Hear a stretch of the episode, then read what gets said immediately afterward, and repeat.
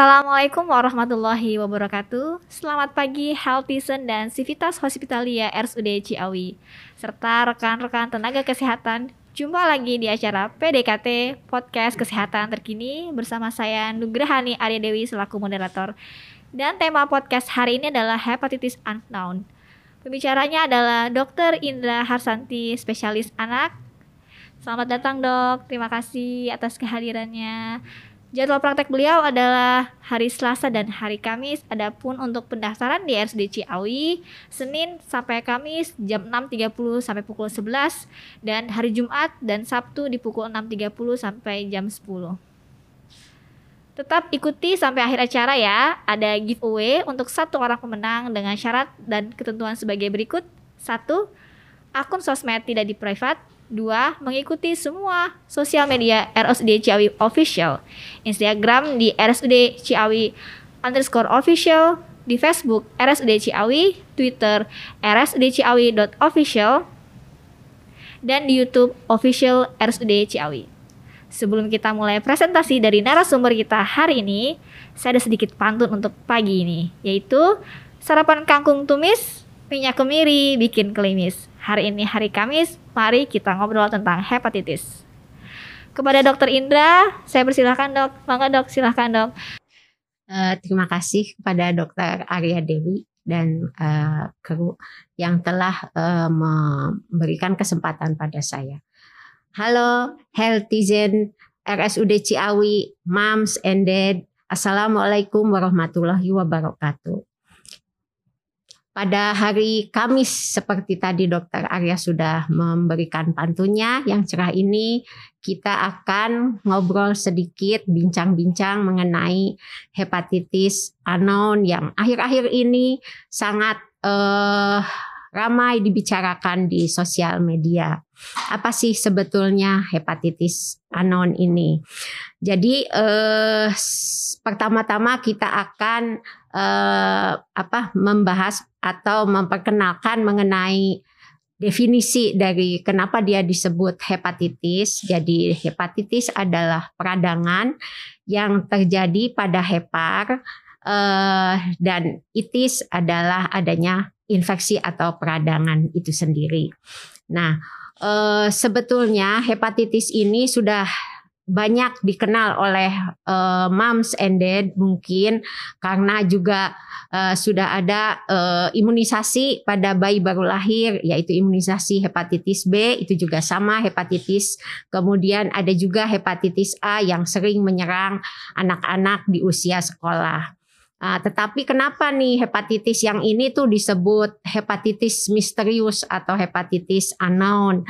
Uh, hal ini dikarenakan bahwa hepatitis ini uh, baru saja uh, ditemukan dan ternyata penyebabnya bukan salah satu dari virus hepatitis baik virus hepatitis A, B, C, C, D maupun E. Jadi uh, makanya uh, disebut hepatitis unknown atau hepatitis misterius.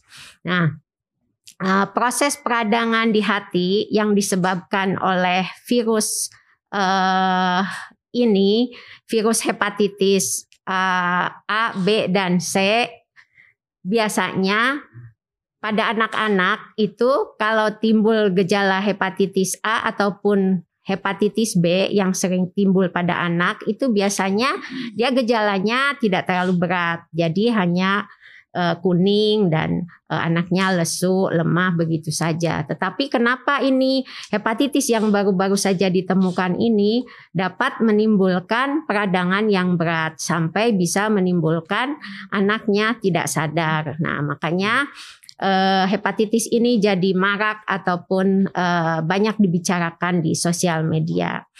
Peradangan pada hati ini bisa timbul akut yaitu bila dia terjadi kurang dalam waktu enam bulan ataupun dia bisa menjadi kronis apabila dia terjadi lebih dari enam bulan.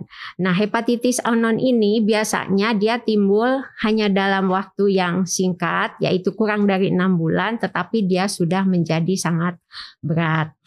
Adapun penyebab dari hepatitis yang belum diketahui ini yang eh, disebut hepatitis misterius sebetulnya juga sampai saat ini belum dipastikan. Itu bisa disebabkan akibat infeksi dari adenovirus ataupun uh, ada beberapa uh, penelitian apakah ini berhubungan dengan kejadian COVID-19 yang baru saja uh, apa marak ataupun banyak terjadi kasusnya baik di Indonesia maupun di seluruh dunia. Atau bisa juga disebabkan akibat toksin atau racun atau obat-obatan misalnya eh, anak-anak ataupun eh, orang yang mem, apa menderita eh, epilepsi di mana dia minum obat asam valproat itu juga bisa menimbulkan efek samping eh, apa e, penyakit ataupun efek samping e, gangguan pada hati atau anak-anak yang mendapatkan terapi TBC. Kemudian ada temuan juga bisa disebabkan karena infeksi jamur, infeksi bakteri ataupun parasit. Ada lagi penelitian ini ada kemungkinan berhubungan dengan e, varian terbaru dari SARS-CoV yang e, baru saja menjadi uh, wabah di seluruh dunia. Nah, apa sih gejala yang timbul apabila kita ataupun seseorang terkena infeksi hepatitis ini? Uh, biasanya gejalanya dimulai dengan adanya lemah, lesu, letih, kemudian perasaan mual, pengen muntah ataupun bisa muntah, bisa juga diare, kemudian sakit perut, bisa ada sakit kepala, kemudian e, bisa juga e, disertai dengan demam, meskipun demamnya ada yang e, tidak terlalu tinggi kadang-kadang. Nah, kemudian apabila penyakit berlanjut, dia bisa menderita ataupun gejalanya menjadi anaknya tidak sadar, anaknya mengantuk terus, ingin tidur, ataupun kita bangunkan, anaknya tidak bangun-bangun. Bisa juga timbul sesak napas atau kalau misalnya dia sudah eh, parah, bisa dia eh, buang air besarnya itu ber, tidak berwarna, jadi berwarna eh, pucat ya seperti dempul. Sementara air pipisnya itu berwarna kuning pekat seperti air teh. Nah, eh, bagaimana kita bisa ataupun uh, apa yang harus kita lakukan apabila kita menemukan eh, gejala-gejala seperti itu. Yang pertama-tama tentunya uh, moms and dad jangan panik. Tetap uh, apa uh, tenang kemudian uh, mungkin untuk pemeriksaan lebih lanjut bisa dibawa ke eh, sarana kesehatan yang terdekat di mana nanti di sana akan diperiksa lebih lanjut. Nah, untuk pencegahan supaya jangan eh, terkena dari penyakit infeksi hepatitis ini, tentunya kita jangan lupa untuk rutin melakukan mencuci tangan dengan sabun. Mencuci tangan dengan sabun ini caranya sama seperti eh, pada saat kita melakukan prokes kesehatan kita harus mencuci tangan bisa dilakukan dengan sabun ataupun dengan hand sanitizer. Kemudian usahakan selalu minum air bersih dan makan makanan yang matang. Kemudian apabila moms and dad uh, mempunyai bayi menggunakan popok, tentunya jangan menaruh popok ataupun bekas uh, BAB-nya itu di mana saja. Jadi harus dibuang di tempat yang eh, seharusnya di tempat sampah. Kemudian juga eh, dianjurkan untuk tidak menggunakan alat makan yang sama. Misalnya anak-anak eh, apa menggunakan misalnya menyuap menyuapi kita menyuapin memberikan makan pada anak jangan menggunakan uh, sendok yang ataupun piring yang sama. Kemudian tentunya menjaga kebersihan rumah dan lingkungan. Kemudian juga karena kita masih belum selesai dengan pandemi Covid ini, diharapkan untuk selalu menggunakan masker. Kemudian tadi Jadi apabila ditemukan gejala-gejala yang seperti dikemukakan di atas, segera bawa anaknya ke fasilitas kesehatan. Uh, lanjut. Uh, ini merupakan jadi untuk mencegah penyakit ini tentunya uh, tadi sudah kita sebutkan sama seperti prokes 6M yang kita terapkan pada saat uh, pandemi Covid tentunya uh, moms dan dad sudah apa uh, sangat mengetahui mengenai ini. Lanjutkan. Uh, jadi tadi juga sudah dibahas mengenai bagaimana caranya untuk mencegah supaya penyakit ini jangan uh, menyebar atau jangan terjadi pada anak-anak kita. Jadi itu tadi diharapkan tidak menggunakan alat makan bersama-sama. Uh, jadi uh, digunakan alat makan sendiri-sendiri. Sebaiknya anak-anak sekolah membawa bekal dari rumah sehingga uh, dia tidak uh, menggunakan alat makan yang sama. Kemudian alat makan apabila setelah digunakan tentunya langsung dicuci bersih supaya tidak apa terdapat kuman yang dapat menularkan atau ditularkan kepada orang lain. Kemudian yang lainnya adalah mencuci tangan sesering mungkin dengan prosedur uh, seperti yang sudah biasa kita lakukan.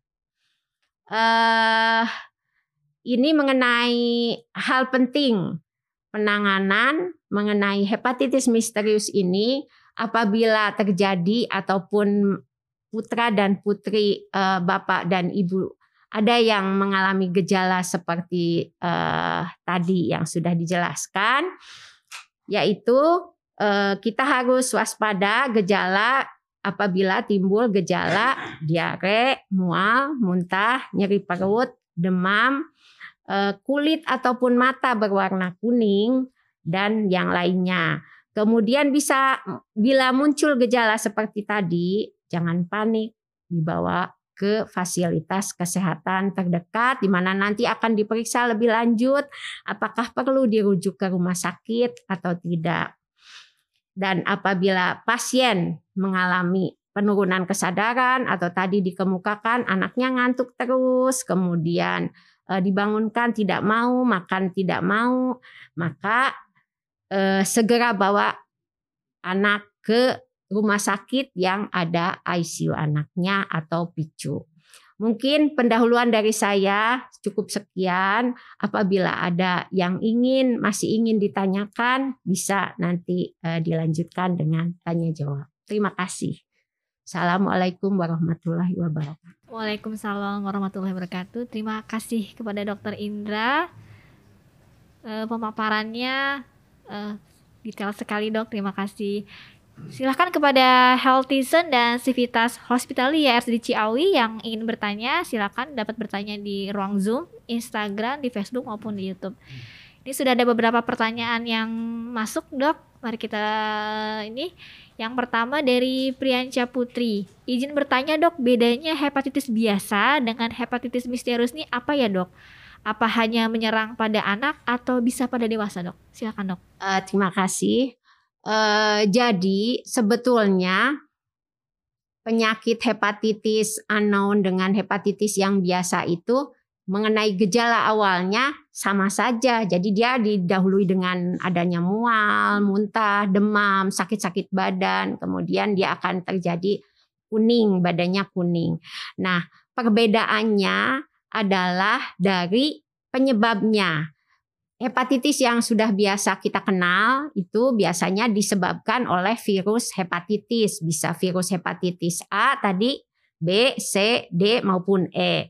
Sementara hepatitis yang eh, sekarang marak atau hepatitis unknown ini penyebabnya sendiri belum diketahui dengan jelas. Hanya tadi sudah dikemukakan kemungkinan karena eh, awalnya penyakit ini ditemukan pertama kali di Inggris. Nah, eh, di Inggris itu eh, ditemukan kebanyakan penyebabnya adalah adenovirus di sana. Nah, karena penyebabnya di sana kemungkinan adenovirus, ya jadi adenovirus menjadi tersangkanya. Tetapi sebetulnya itu pun belum final, jadi belum jelas dari WHO sendiri apakah penyebabnya memang hanya itu atau tadi sudah digemukakan ada beberapa hal yang lain. Nah, eh, jadi kalau misalnya nanti ada anak yang sakit hepatitis di sarana kesehatan, tentunya akan dicek dulu apakah dia e, menderita penyakit hepatitis yang salah satu di antara A sampai E meskipun e, kebanyakan fasilitas kesehatan di Indonesia baru bisa memeriksa hepatitis A, B, dan C saja mengenai hepatitis D dan E itu uh, alat periksanya belum tersedia dengan banyak. Maksudnya belum di rumah sakit belum ada yang belum ada. Di, kebetulan rumah sakit Ciawi juga belum ada. Tapi dari Ikatan Dokter Anak Indonesia sendiri, apabila sudah diperiksa hepatitis anti hepatitis A, B maupun C itu sudah cukup. Apabila ketiganya negatif itu sudah cukup e, memberikan kemungkinan bahwa ini bukan hepatitis A, B, C sampai E tadi.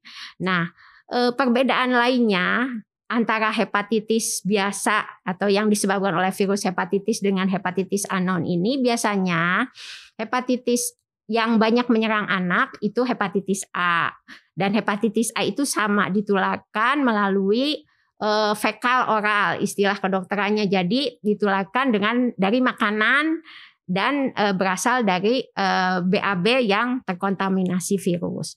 Biasanya gejala hepatitis A ini tidak berat. Biasanya dia hanya dengan istirahat, minum vitamin, e, satu atau paling lama satu bulan dia akan sembuh dan anaknya tidak parah, tidak sampai penurunan kesadaran. Tetapi hepatitis yang anon ini bisa menjadi uh, berat dalam beberapa waktu. Nah, makanya ini menjadi marak dibicarakan dan uh, menjadi apa uh, ditetapkan sebagai KLB dari Organisasi Kesehatan Dunia itu mungkin kemudian uh, pertanyaan apakah hanya menyerang anak-anak? Nah, sampai saat ini uh, penelitian dari WHO ini uh, definisinya adalah dari mulai 0 sampai 16 tahun penyakit hepatitis anon ini. Tetapi itu belum tertutup kemungkinan adanya dewasa yang juga tertular karena sampai saat ini belum ditemukan kasusnya, hanya begitu saja. Tapi eh, apakah bisa kemungkinan tertular? Ya bisa saja karena penularannya kan tadi dari eh, fekal ke oral. Jadi makan makanan tertentu ya tentunya orang dewasa pun bisa terkena. Tapi sampai saat ini yang ditemukan kasusnya sampai berat hepatitis dan tidak terbukti hepatitis A sampai E itu baru pada anak-anak. Seperti itu mungkin. Oh iya, baik dokter. Kemudian ada pertanyaan yang kedua dari Rizka Martavia di Instagram. Izin bertanya, mengapa virus hepatitis akut menyerang anak-anak? Jika anak sudah sembuh, apakah akan kembali timbul lagi, dokter? uh, sebetulnya kan uh, tadi sudah diterangkan bahwa hepatitis akut itu Eh, banyak menyerang anak-anak terutama hepatitis A. Nah, mengenai kenapa banyak menyerang anak-anak, tentunya eh, pertama-tama dari daya kekebalan tubuh, di mana daya kekebalan tubuh anak dibandingkan dewasa kan masih kurang. Kemudian eh, biasa yang banyak jajan sembarangan mungkin juga anak-anak ya. Misalnya mungkin eh, moms and dad bisa lihat kalau di SD-SD jajanan itu semuanya eh, banyak penjual-penjual yang menjual di pinggir jalan. Nah, makanan-makanan seperti itulah yang bisa menyebabkan anak tertular hepatitis ini. Uh, Jika sudah sembuh, apakah bisa timbul lagi, dokter? Uh, karena ini hepatitisnya masih dalam penelitian. Ini khususnya untuk hepatitis ini ya, ya hepatitis unknown. Kalau untuk hepatitis A, uh, tentunya kalaupun sudah sembuh, bisa tertular lagi karena uh, tidak ada ya ada penyakit beberapa tapi hanya beberapa yang misalnya seperti mungkin cacar ya cacar air itu kalau sudah kena sekali tidak akan kena lagi. Kalau penyakit hepatitis ya misalnya anaknya divaksin, vaksin hepatitis A. Hepatitis A itu vaksinnya e, dua kali anak umur 2 tahun, kemudian enam bulan sampai satu tahun kemudian. Yaitu hanya mencegah selama Eh, lima tahun itu itu kalau divaksin apalagi kalau misalnya kena juga sama bisa saja tertular kembali. Ya dokter baik. Selanjutnya nih ramai ternyata dok banyak peminat ya. Kemudian yang ketiga dari Irna Fitriana Sari di Instagram. Assalamualaikum dok, saya Irna dari Rumah Sakit Ciawi. Izin bertanya dok, ciri-ciri yang terkena hepatitis unknown dan cara mengatasinya bagaimana ya dok? Tadi mungkin sudah e, dibahas detail ya oleh dokter Indra. Kemudian kita beralih ke pertanyaan keempat dari Ozan Fauzan. Kalau misalnya mengkonsumsi makanan tidak matang seperti sushi, apakah bisa jadi salah satu penyebab juga mungkin dok dari ini. Iya. Nah, jadi banyak penggemar sushi juga mungkin dok iya, ini. Soalnya lagi booming ya, lagi makan booming. sushi lagi musim. Iya betul.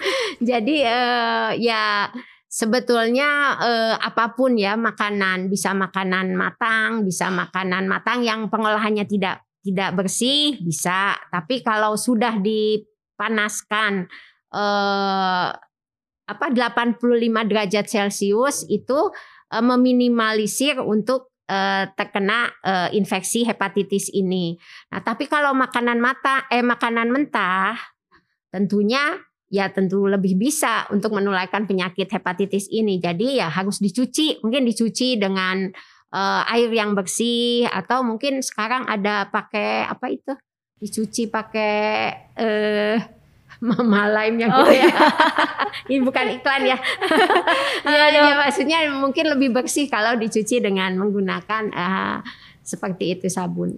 Jadi memang seperti dokter sampaikan tadi ya, e, membawa bekal, mengolah makanan sendiri itu lebih aman dibandingkan yeah. nanti kita mengkonsumsi makanan-makanan dari luar yang kita tidak tahu bagaimana cara pengolahannya. Iya yeah, betul. Kemudian selanjutnya dari Instagram juga ini dari Irna Fitriana Sari, apakah flu terus-menerus bisa dikatakan hepatitis unknown dok? Eh, ya eh, tadi eh, sudah dibahas bahwa di dalam ataupun gejala-gejala dari hepatitis ini tidak tidak termasuk gejala flu ya, maksudnya tidak ada batuk, pilek ya. Tapi eh, karena ini penyakit infeksi, di mana infeksi apabila terdapat eh, organisme atau virus yang masuk ke badan itu uh, walaupun tidak ada batuk pilek mungkin kita ada sakit-sakit badan gitu ya. Ada demam yeah. sedikit sakit-sakit badan tapi tidak ada gejala uh, batuk pilek ya. tidak ada. Baik. Kemudian yang keenam dari Iska Martavia apakah bumil terkena hepatitis bisa berpengaruh pada janin? Mungkin ini lebih luas lagi dok ya. Bukan hepatitis anon aja mungkin ini maksudnya nih. Iya. Uh, kalau sebetulnya ini tergantung hepatitisnya apa dan uh, dia terkenanya kapan ya. Dan sebetulnya ini harusnya ini adalah ranah dokter penyakit uh, ginekologi atau obstetri dan ginekologi ya. Uh, tapi suatu infeksi itu yang dapat menularkan ke bayi biasanya itu dari hepatitis ya. Mungkin bukan hepatitis anon. Kalau ya, hepatitis anon karena masih baru masih diteliti ini juga belum diketahui. Tapi kalau yang bisa menurun atau menularkan ke bayi itu biasanya hepatitis B.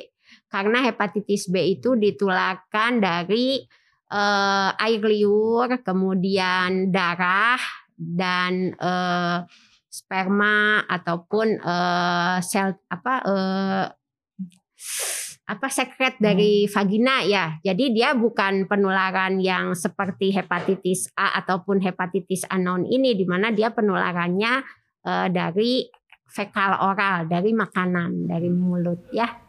Iya, makanya ini penting sekali Dok ya untuk antenatal care, pemeriksaan selama kehamilan ya. karena untuk mengetahui kesehatan janin maupun ibunya. Kemudian yeah. yang selanjutnya pertanyaan nomor 7 dari Sugita Naho.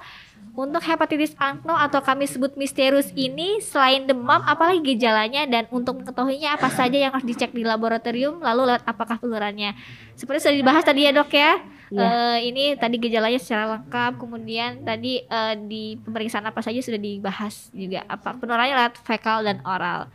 Selanjutnya eh pertanyaan dari yang lain mungkin dari Zoom. Ya. Eh dari Putri Lala dari Zoom.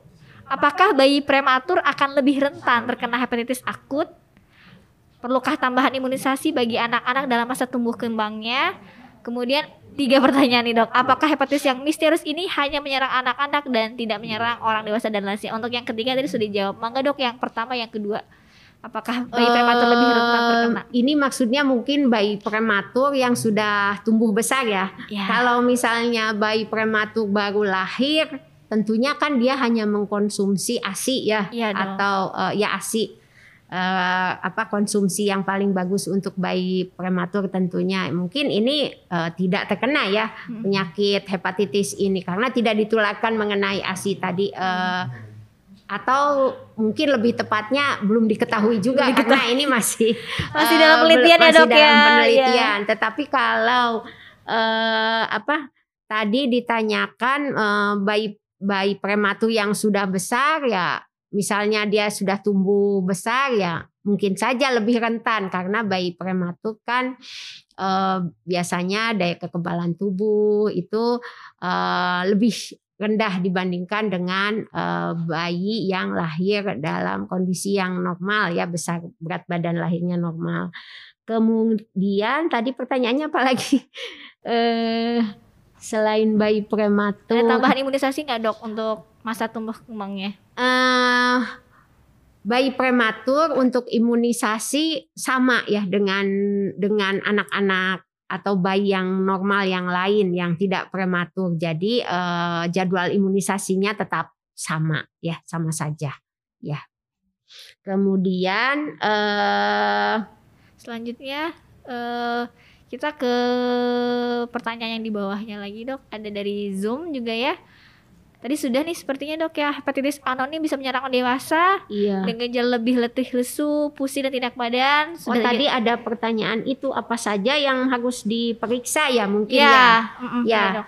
apabila eh, takut ataupun ada gejala kuning mungkin eh, kuning lemah letih lesu pemeriksaan apa yang harus diperiksa itu adalah pemeriksaan darah ya pemeriksaan darah untuk melihat fungsi hati biasanya diperiksa SGOT dan SGPT di mana pada hepatitis anon ini biasanya kadar SGOT SGPT-nya eh, diduga atau probable hepatitis anon apabila dia lebih dari 500 kadarnya.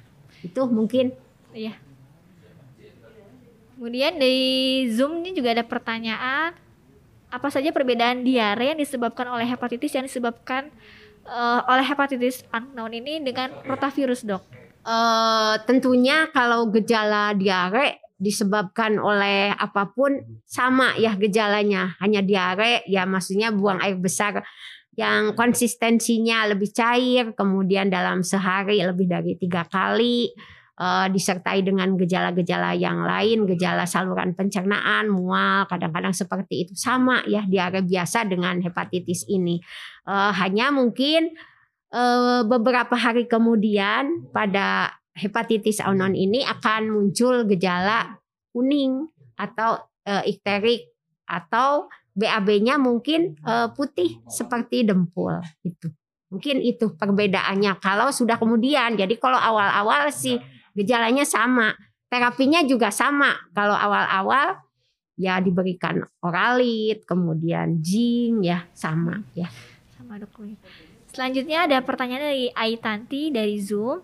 Apakah anak yang pernah positif COVID resikonya lebih besar terkena hepatitis unknown daripada daripada yang belum pernah kena COVID nih dok? Eh, nah ini juga masih menjadi eh, penelitian, masih diteliti eh, karena eh, ada beberapa dugaan bahwa akibat infeksi COVID itu eh, di kemudian hari bisa timbul ataupun apabila dia parah bisa menimbulkan gejala kuning atau ikterus seperti pada hepatitis anon ini. Tapi apakah ini berhubungan atau tidak itu uh, masih diteliti lebih lanjut ya. Jadi apakah kalau sudah terkena COVID uh, lebih mudah terserang itu juga belum diketahui karena ini masih diteliti ya. Iya. Pertanyaannya ada dua pertanyaan lagi dok. Yang terakhir dari Rizka Martavia, dok apakah vaksin hepatitis reguler bisa mencegah hepatitis misterius ini? Ya, ini pertanyaan yang sangat bagus ya. Jadi eh, tadi sudah dikemukakan bahwa penyebab dari hepatitis unknown ini adalah belum diketahui atau kemungkinan adenovirus tadi. Sementara imunisasi yang biasa diberikan, imunisasi hepatitis pada anak itu yang ada adalah imunisasi hepatitis B yang diberikan pada masa bayi baru lahir, kemudian dua bulan, tiga bulan, empat bulan, kemudian ulangan 18 bulan, dan hepatitis A yang diberikan pada usia 2 tahun. Jadi itu imunisasi yang diberikan adalah pencegahan untuk penyakit hepatitis A dan hepatitis B. Jadi bukan untuk mencegah hepatitis unknown ini. Jadi walaupun sudah divaksin hepatitis A dan hepatitis B, tentunya masih bisa terserang hepatitis unknown ini karena penyebabnya bukan itu. Ya. Kan ya, virus hepatitis. Uh, vaksinasi tetap penting dan menjaga kesehatan, menjaga ya. uh, pencegahan ya. kita lakukan tetap penting juga dok ya. Ya karena uh, apa uh, di samping ini juga masih banyak penyakit, ya, penyakit yang, yang lain yang harus dicegah dengan imunisasi tentunya ya, yang betul. tidak kalah berbahaya iya. ya. Selanjutnya yang pertanyaan terakhir ini makanan dan minuman apa saja nih dok yang harus dikonsumsi atau ada buah khusus mungkin yang harus dimakan agar si anak tidak terkena penyakit hepatitis nih dari Irna Fitriana Sari. Ya, jadi uh, tentunya tadi sudah juga dikemukakan untuk ibu-ibu agar memasak makanan yang matang di rumah yang bersih, jaga kebersihan intinya dan makanan disajikan uh, kalau makanan uh, matang mungkin diletakkan di luar jangan terlalu lama karena nanti bisa walaupun sudah dimasak bisa pada saat uh, dihidangkan kalau terlalu lama tergeletak bisa juga dihinggapi oleh virus misalnya seperti itu. Uh, kemudian untuk makan buah-buahan uh, tentunya baik untuk menjaga kesehatan kesehatan atau mencegah penyakit apa pun ya karena kan dia banyak mengandung vitamin. Tetapi kalau secara khusus makanan yang bisa mencegah virus hepatitis ini tentunya tidak ada ya. Jadi ya hanya dengan tadi mencegah jangan eh, apa makan sembarangan, kemudian eh, jajan sembarangan maksudnya jajan sembarangan, makanan dimasak dengan matang, kemudian bila makan makanan yang mentah dicuci dengan bersih Mungkin itu dan jangan menggunakan alat makan bersama-sama. Itu mungkin ya. untuk Terima mencegahnya. Kasih pesan untuk mom and dad nih gitu ya, benar-benar menyiapkan makanan buat buah hatinya dengan seoptimal mungkin, sebaik mungkin gitu ya untuk mencegah hal-hal yang tidak kita inginkan. E, pertanyaan e, kita tutup ya acara hari ini telah selesai. Terima kasih kepada Dr. Indra yang telah meluangkan waktu, kepada Healthizen yang menyaksikan acara PDKT hari ini. Bila teman-teman ataupun mom and dad yang ingin berkonsultasi dengan beliau bisa di hari Selasa dan hari Kamis pukul 9 dan pukul sampai jam 12.00. Adapun pendaftarannya di hari Senin dan Kamis jam 6.30 sampai pukul 11 dan Jumat dan Sabtu 6.30 sampai jam 10.00. Apakah teman-teman ada kesan uh, dari PDKT hari ini? Nanti silahkan uh, dituliskan di medsos di RSUD Ciawi. Nah, yang ditunggu-tunggu nih dari sekian pertanyaan tadi dan ada yang memenangkan giveaway yaitu dari Rizka Martavia via Instagram. Selamat ya, nanti akan dihubungi oleh tim kami. Jangan lupa ikuti terus acara webinar dan PDKT RSD Ciawi di edisi selanjutnya dengan follow, like, subscribe, dan share sosmed RSUD Ciawi, Instagram di RSUD Ciawi underscore official, di Facebook RSUD Ciawi, di Twitter RSUD Ciawi.official, dan di Youtube di RSUD Ciawi. Sebelum kita tutup PDKT hari ini, ada pantun penutup lagi nih. Pergi ke warung beli jamu. Pulangnya di rumahku ada tamu. Manfaatkanlah waktu sehatmu sebelum tiba masa sakitmu. Terima kasih telah bergabung di podcast hari ini. Wassalamualaikum